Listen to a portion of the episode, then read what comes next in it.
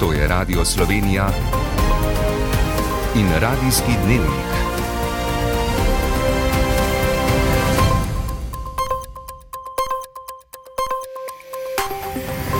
Ura je 18 in 30 minut. Dobro večer. Pomankanje zdravnikov, pa tudi zdravstvenega osebja, je vse bolj pereč problem slovenskega zdravstva. Pobuda Glas ljudstva je danes glasno pozvala vlado k takojšnji rešitvi. Da to ne more biti dodatna obremenitev zdravnikov, povdarjajo na zdravniški zbornici. Kot pravi Rok Ravnikar, je v vsakodnevnih nezdravniških nalogah veliko vprašanje za vsakega zdravnika. Kje bi sploh lahko našel čas, da bi še neke dodatne pacijente lahko skrbel? Žal, žal tega ne zmoremo. Podrobneje o tem v nadaljevanju te oddaje, v radijskem dnevniku pa boste med drugim lahko slišali. Potrjeno, Bosna in Hercegovina je kandidatka za članstvo v Uniji. Strokovnjaki opozarjajo na vnovičen zagon epidemije COVID-a na Kitajskem. V Kopru bodo gradili novi sončni elektrarni, projekt povezuje občino in pristanišče. Po noči se bodo padavine razširile nad vso državo, jutri bo občasno doživalo. Z vami sva Aleksandr Golja in Luka Bregar. Začenjamo v Bruslju, kjer poteka še zadnji redni vrh Evropske unije letos. Pred nekaj minutami so voditelji članic povezave sporočili, da so Bosni in Hercegovini potrdili dodelitev statusa kandidatke za članstvo v uniji. Dogajanje v živo spremlja naš dopisnik Igor Jurič. Igor, dober večer v Bruselj. Ja, dober večer. Torej, Bosna in Hercegovina je dobila zeleno luč za začetek pristopnih pogajanj. Ja, tako je za prebivalce Bosne in Hercegovine je danes končno le prišla vesela novica in sicer, da so voditelji Unije odločili poslati pomembno politično sporočilo in sicer, da je država vredna statusa kandidatke in za tak sklep si veliko zaslug pripisuje tudi Slovenija, ki si je zlasti v zadnjih mesecih močno prizadevala za sprejem to vrstnega sklepa. Voditelji so sicer imeli tudi dolgo razpravo o omejevanju cen zemeljskega plina, saj do, saj do zdaj zaradi pomembnih razlik med posameznimi članicami glede uvedbe tako imenovane cenovne kapice dogovor ni bil možen. Voditelji so zdaj sklepi naložili ministrom za energetiko, da končni dogovor doseže v ponedeljek. Le tako bo namreč moč izpeljati tudi skupna naročila za dobave plina v prihodnje in pa uveljavljati solidarnost med članicami v primeru pomankanja plina. Zelo temeljita je bila tudi razprava o ameriškem zakonu o zniževanju inflacije, saj je zajemala širok spektr odnosov med ZDA in Evropsko unijo. Voditelji so podprli nadaljevanje pogovorov z ameriško stranjo, ker si želijo učinkovite rešitve problema. Unija se namreč boji, da bi ameriški zakon, ki predvideva davčne olajšave in druge ugodnosti za ameriška podjetja, ki se bodo usmerila v zelene tehnologije, da bo ta prizadel konkurenčnost evropskih podjetij. In zato so se zauzeli za razvoj strategije, ki bo zaščitila evropske gospodarske, industrijske in tehnološke temelje. In Evropski komisiji so naložili, da januarja pripravi predloge za aktiviranje nacionalnih in evropskih sredstev, ki bi omogočila potrebna vlaganja. Igor, hvala za to obširno poročilo, seveda pa strnjeno tudi v zrcalu dneva ob desetih zvečer. Dodajmo še to novico iz Bruslja. Evropski urad za boj proti goljofijam OLAF je začel uradno preiskavo v zvezi s pritožbami zaposlenih proti izvršni direktorici Agencije Evropske unije za azil Slovenki Nini Gregori. Preiskavo je sprožil na podlagi očitkov sindikata, med drugim o nepotizmu. Vodstvo agencijo na čelu z Gregorjevo očitke zavrača. Vse več ljudi ostaja brez svojega izbranega zdravnika. To je povod, da je civilna inicijativa Glas ljudstva danes začela kampanjo Ustavimo rušenje javnega zdravstva.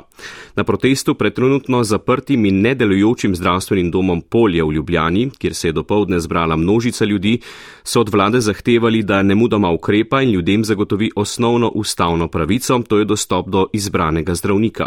Na civilni izhod so se že odzvali v zdravstvenem domu Ljubljana in v zdravniški zbornici. Več Snežana Iljaš. Trenutna situacija je neuzdržna, gre dobesedno za rušenje javnega zdravstva, zato so v inicijativi Glas ljudstva pripravili javno peticijo za urgentno reševanje zlasti problematike več kot 130 tisoč dobesedno izbrisanih zavarovancev, ki so ostali brez osebnega zdravnika, bisarka Marold Meden. Človeka 92-90 let sta ostala brez zdravnika in dobila dopis od zdravstvene zavarovalnice, da si lahko poiščeta zdravnika v Murski soboti, Ptuju in še ne vem kje, na drugem koncu Slovenije. Minister, zbudi se in začni delati. Ukrepi so nujni zdaj, dodaja Jaša Jenul.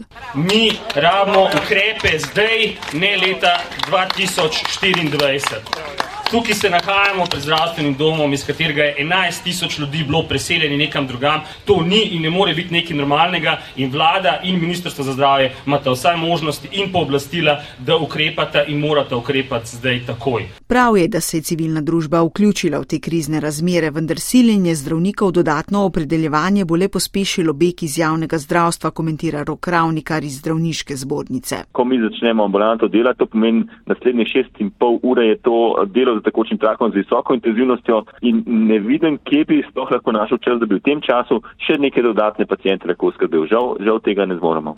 Da so potrebne takojšnje kratkoročne rešitve, so danes pozvali tudi zaposleni zdravstvenega doma Ljubljana, ki hkrati upozarjajo, da se s tovrstnimi težavami sicer srečujejo že desetletja, a se jih je doslej reševalo le delno in ne v celoti. Državna volivna komisija je tudi uradno ugotovila izide treh referendumov, na katerih so voljivci potrdili novele zakonov o vladi, o dolgotrajni oskrbi in o RTV Slovenija. Direktor službe Državne volivne komisije Dušan Vučko. Izidi so bili ugotovljeni na podlagi volje voljivcev. Večina voljivcev je glasovala in to prepričljivo za uveljavitev teh zakonov. Tako kot vedno velja zakonski rok, tri dni, in vsi tisti, ki so kvalificirani upravičenci za podajo pritožbe, lahko v tem roku dajo pritožbo. O pritožbi odloča vrhovno sodišče. Izidi referendumov bodo jutri objavljeni v uradnem listu, kot že slišano, pa lahko uveljavitev zakonov zamaknejo morebitne pritožbe oziroma odločenje o teh na vrhovnem sodišču. Ustavno sodišče pa je slavnostno sejo počastilo dan ustavnosti, ki ga zaznamujemo v spomin na sprejetje Ustave Republike Slovenije 23. decembra 1991. Predsednik Ustavnega sodišča Mateja Četo je ob tem spomnil na pomen pravne države v kriznih časih, kakršni sta bili pretekli dve s COVID-om zaznamovani leti in nakopičenje sodnih zaostankov, s katerimi se naše Ustavno sodišče sooča že dlje časa. Več v prispevku Jureta Čepina. Slavnostno sejo želi ustavno sodišče dan ustavnosti obeležiti kot spomin na sprejemanje slovenske ustave in na vse, kar sta ustava in ustavno sodišče prinesla dobrega v naši družbi. Je pa to tudi opomnik, da imajo ustavni sodniki povsod po Evropi vse čas nalogo in dožnost spoštovati pravni red, tudi v kriznih časih, ko je pravna država postavljena pod vprašaj, pravi predsednik ustavnega sodišča Matej Ačeto. Ravno spoštovanje načela pravne države tudi odzive na krize, na, krize, na krizne dogodke naredi boljše, um, že zaradi tega, ker so bolj pretehtani, utemeljeni, legitimni um, in ustrezno sprejeti. Naše ustavno sodišče se sicer že dlje časa bori z vse večjim pripadom zadev, trenutno pa nimamo ustreznih mehanizmov, ki bi omogočili enostavno reševanje vsake od ustavnih pritožb ali pobud. Srednjo nalogo ustavnega sodišča jaz vedno vidim v postavljanju precedenčnih standardov stanopravnega varstva. Kajti prek precedenčnih standardov usmerjamo z našimi sporočili lahko delovanje vseh rednih sodišč in drugih organov oblasti, pa tudi na zadnje posameznikov, ki se lahko prek tega prelije v vrsto konkretnih postopkov in odločitev eh, na ustrezen način. Slavnostni govornik na seji, predsednik Ustavnega sodišča Republike Avstrije Kristof Grabenwarter, je v svojem govoru povdaril, da vladavina prava ni le ustavno načelo in podaljšek temeljnih pravic, pač pa del pravne kulture in da se na ravni Evrope o vladavini prava ne govori več le v akademski sferi, pač pa je tudi politiki postalo jasno, da jo je treba braniti z vsemi sredstvi. Svet Evropske centralne banke je četrtič zapored zvišal osrednje obrestne mere v evrskem območju, tokrat za pol odstotne točke. Skupno jih je od julija zvišal za dve odstotni točki in pol, kar pomeni rekordno dinamiko zaostrovanja denarne politike. ECB napoveduje v prihodnih mesecih dodatna zvišanja, ob tem je objavil nove ocene za območje skupne valute, ki kažejo precej višjo inflacijo in nižjo rast kot v septembrski napovedi. Letošnja inflacija bo v povprečju predvidoma 8,4 odstotna in prihodnje leto 6,3 odstotna. Rast pa bo letos po napovedih 3,4 odstotka bruto domačega proizvodja in prihodnje leto le pol odstotka. V Angliji, Walesu in na Severnem Irskem danes poteka stavka medicinskih sester in zdravstvenega osebja. Gre za doslej največjo stavko te vrste v Združenem kraljestvu, v njej pa sodeluje skoraj 100 tisoč članov sindikata javnega zdravstva. Glavni cilj je povečanje plač, vendar se vlada z zahtevanim zneskom ne strinja. Matej Šurc. Medicinske sestre skupaj z drugimi zdravstvenimi delavci stavkajo v 76 bolnišnicah in zdravstvenih domovih na otoku. To je sploh prva stavka delavcev javnega zdravstva v 106-letni zgodovini njihovega sindikata Royal College of Nursing, zahtevajo pa 19-odstotno zvišanje plač. Toda vlada v Londonu o tem noče slišati. Zdravstveni minister Steve Berkeley je ponudil 5-odstotno zvišanje za medicinske sestre in 9 odstotkov za najslabše plačane. Rada bi rekla, da se z vlado pogajam, vendar ni tako. Njeni predstavniki so mi rekli, da se lahko pogovarjamo o vsem, razen o plačah, pravi predsednica sindikata Pat Cullen. Stavkajoči se pritožujejo, da jim vladna ponudba ne zadošča niti za pokritje inflacije. I mean, Odločitev za stavko ni bila lahka. Ta poklic sem izbrala, da bi pomagala ljudem, ampak s takšno plačo ne gre več, je odločna negovalka Mary Joe iz Londona. Kljub stavki so bolnišnice danes poskrbele za otroke in novorojenčke. Delo je normalno potekalo tudi na intenzivnih negah in urgencah. V torek naslednji teden je zdravstveni sindikat napovedal novo stavko, a je to le del večjega stavkovnega vala, ki je zajel Združeno kraljestvo. Glavna razloga sta visoka inflacija in padanje življenjske ravni. Vse to pa je v veliki meri tudi posledica lahkomiselnega brexita. Na kitajskem epidemija COVID-19 znova dobiva zagon. Asimptomatskih okužb s koronavirusom ne preštevajo več v okviru sproščanja strogih zajezitvenih ukrepov, testiranje namreč v večjem delu države ni več obvezno. Kitajska državna komisija za zdravje navaja, da je zdaj nemogoče spremljati dejansko število primerov okuženih s koronavirusom, saj njihovo število strmo narašča. Strokovnjaki se bojijo, da epidemije ne bo mogoče več nadzorovati. Dopisnica iz Azije Carmen Švegar. Kitajska je čez noč politiko ničelne tolerance do COVID-a zamenjala za skoraj da popolno toleranco, a svoboda, ki so pred tedni zahtevali protestniki, je hitro dobila grenak preokus. Okužbe se hitro širijo, polnijo se bolnišnice, mladi na eni strani pozdravljajo ukinitev ukrepov, a se na drugi bojijo za svoje starše in stare starše. Šipki bodo plačali najvišjo ceno.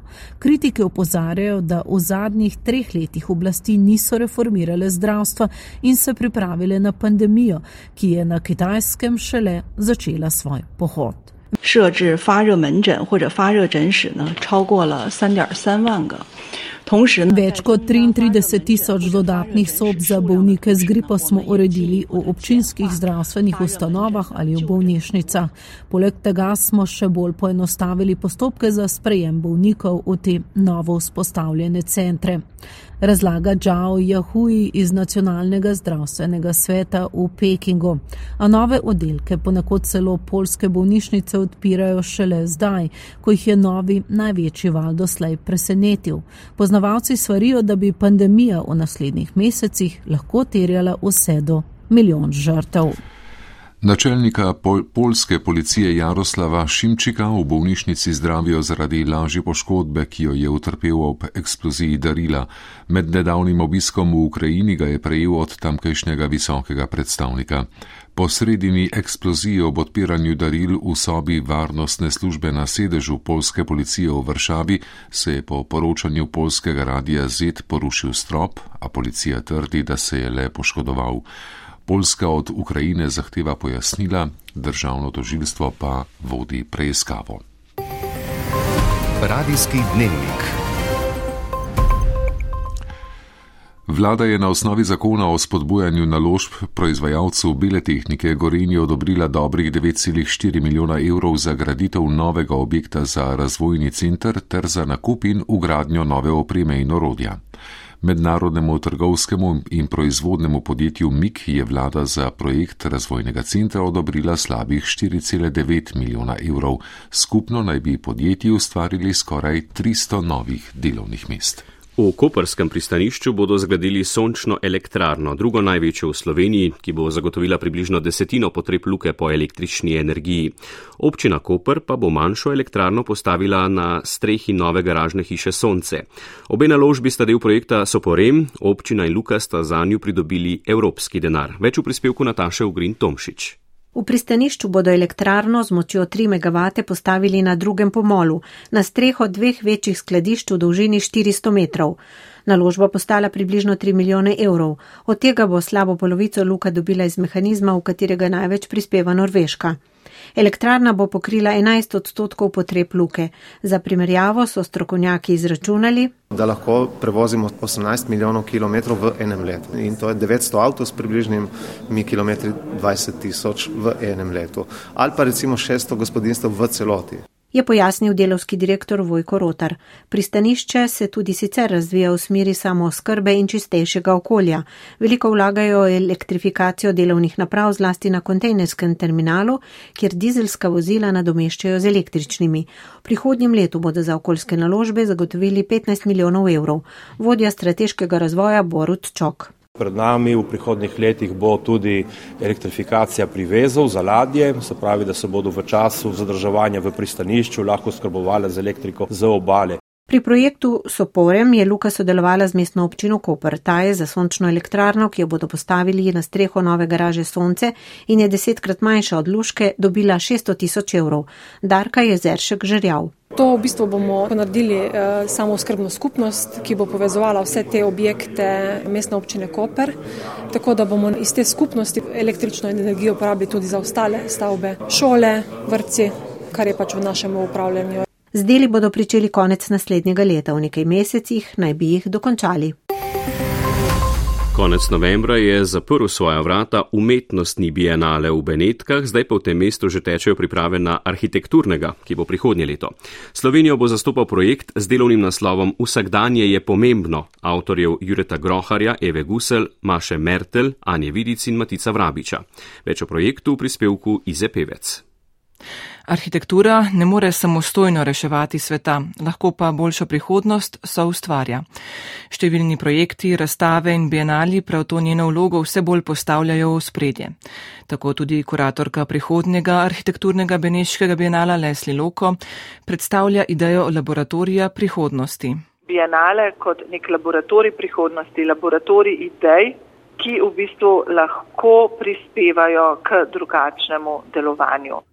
Tako v naslednjem Beneškem bienalu slovenska komisarka Maja Vardjan, ki pove, da so med 20 prijavami za slovensko udeležbo prevladovale teme povezane s podnebjem, trajnostnimi pristopi, energetsko krizo, biodiverziteto in graditvijo z naravnimi in dostopnimi materijali.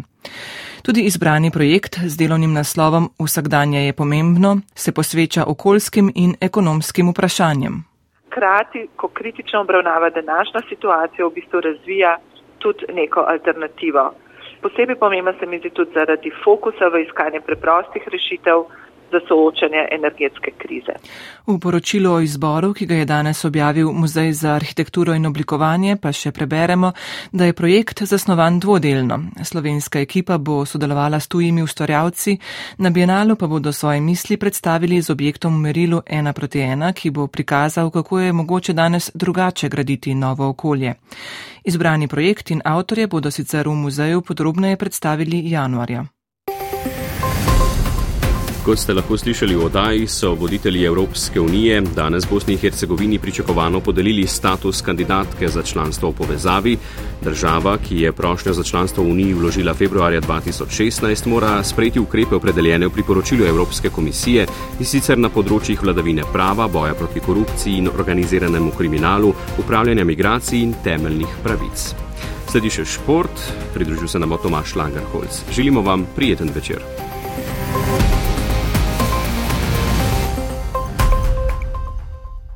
Na svetovnem prvenstvu v nogometu v Katarju je danes prost dan. Mednarodna zveza pa je v izjavi za javnost sporočila, da bo na zadnji tekmi 22. mundiala v nedeljskem finalu med Francijo in Argentino glavni sodnik Poljak Simon Marčinjak.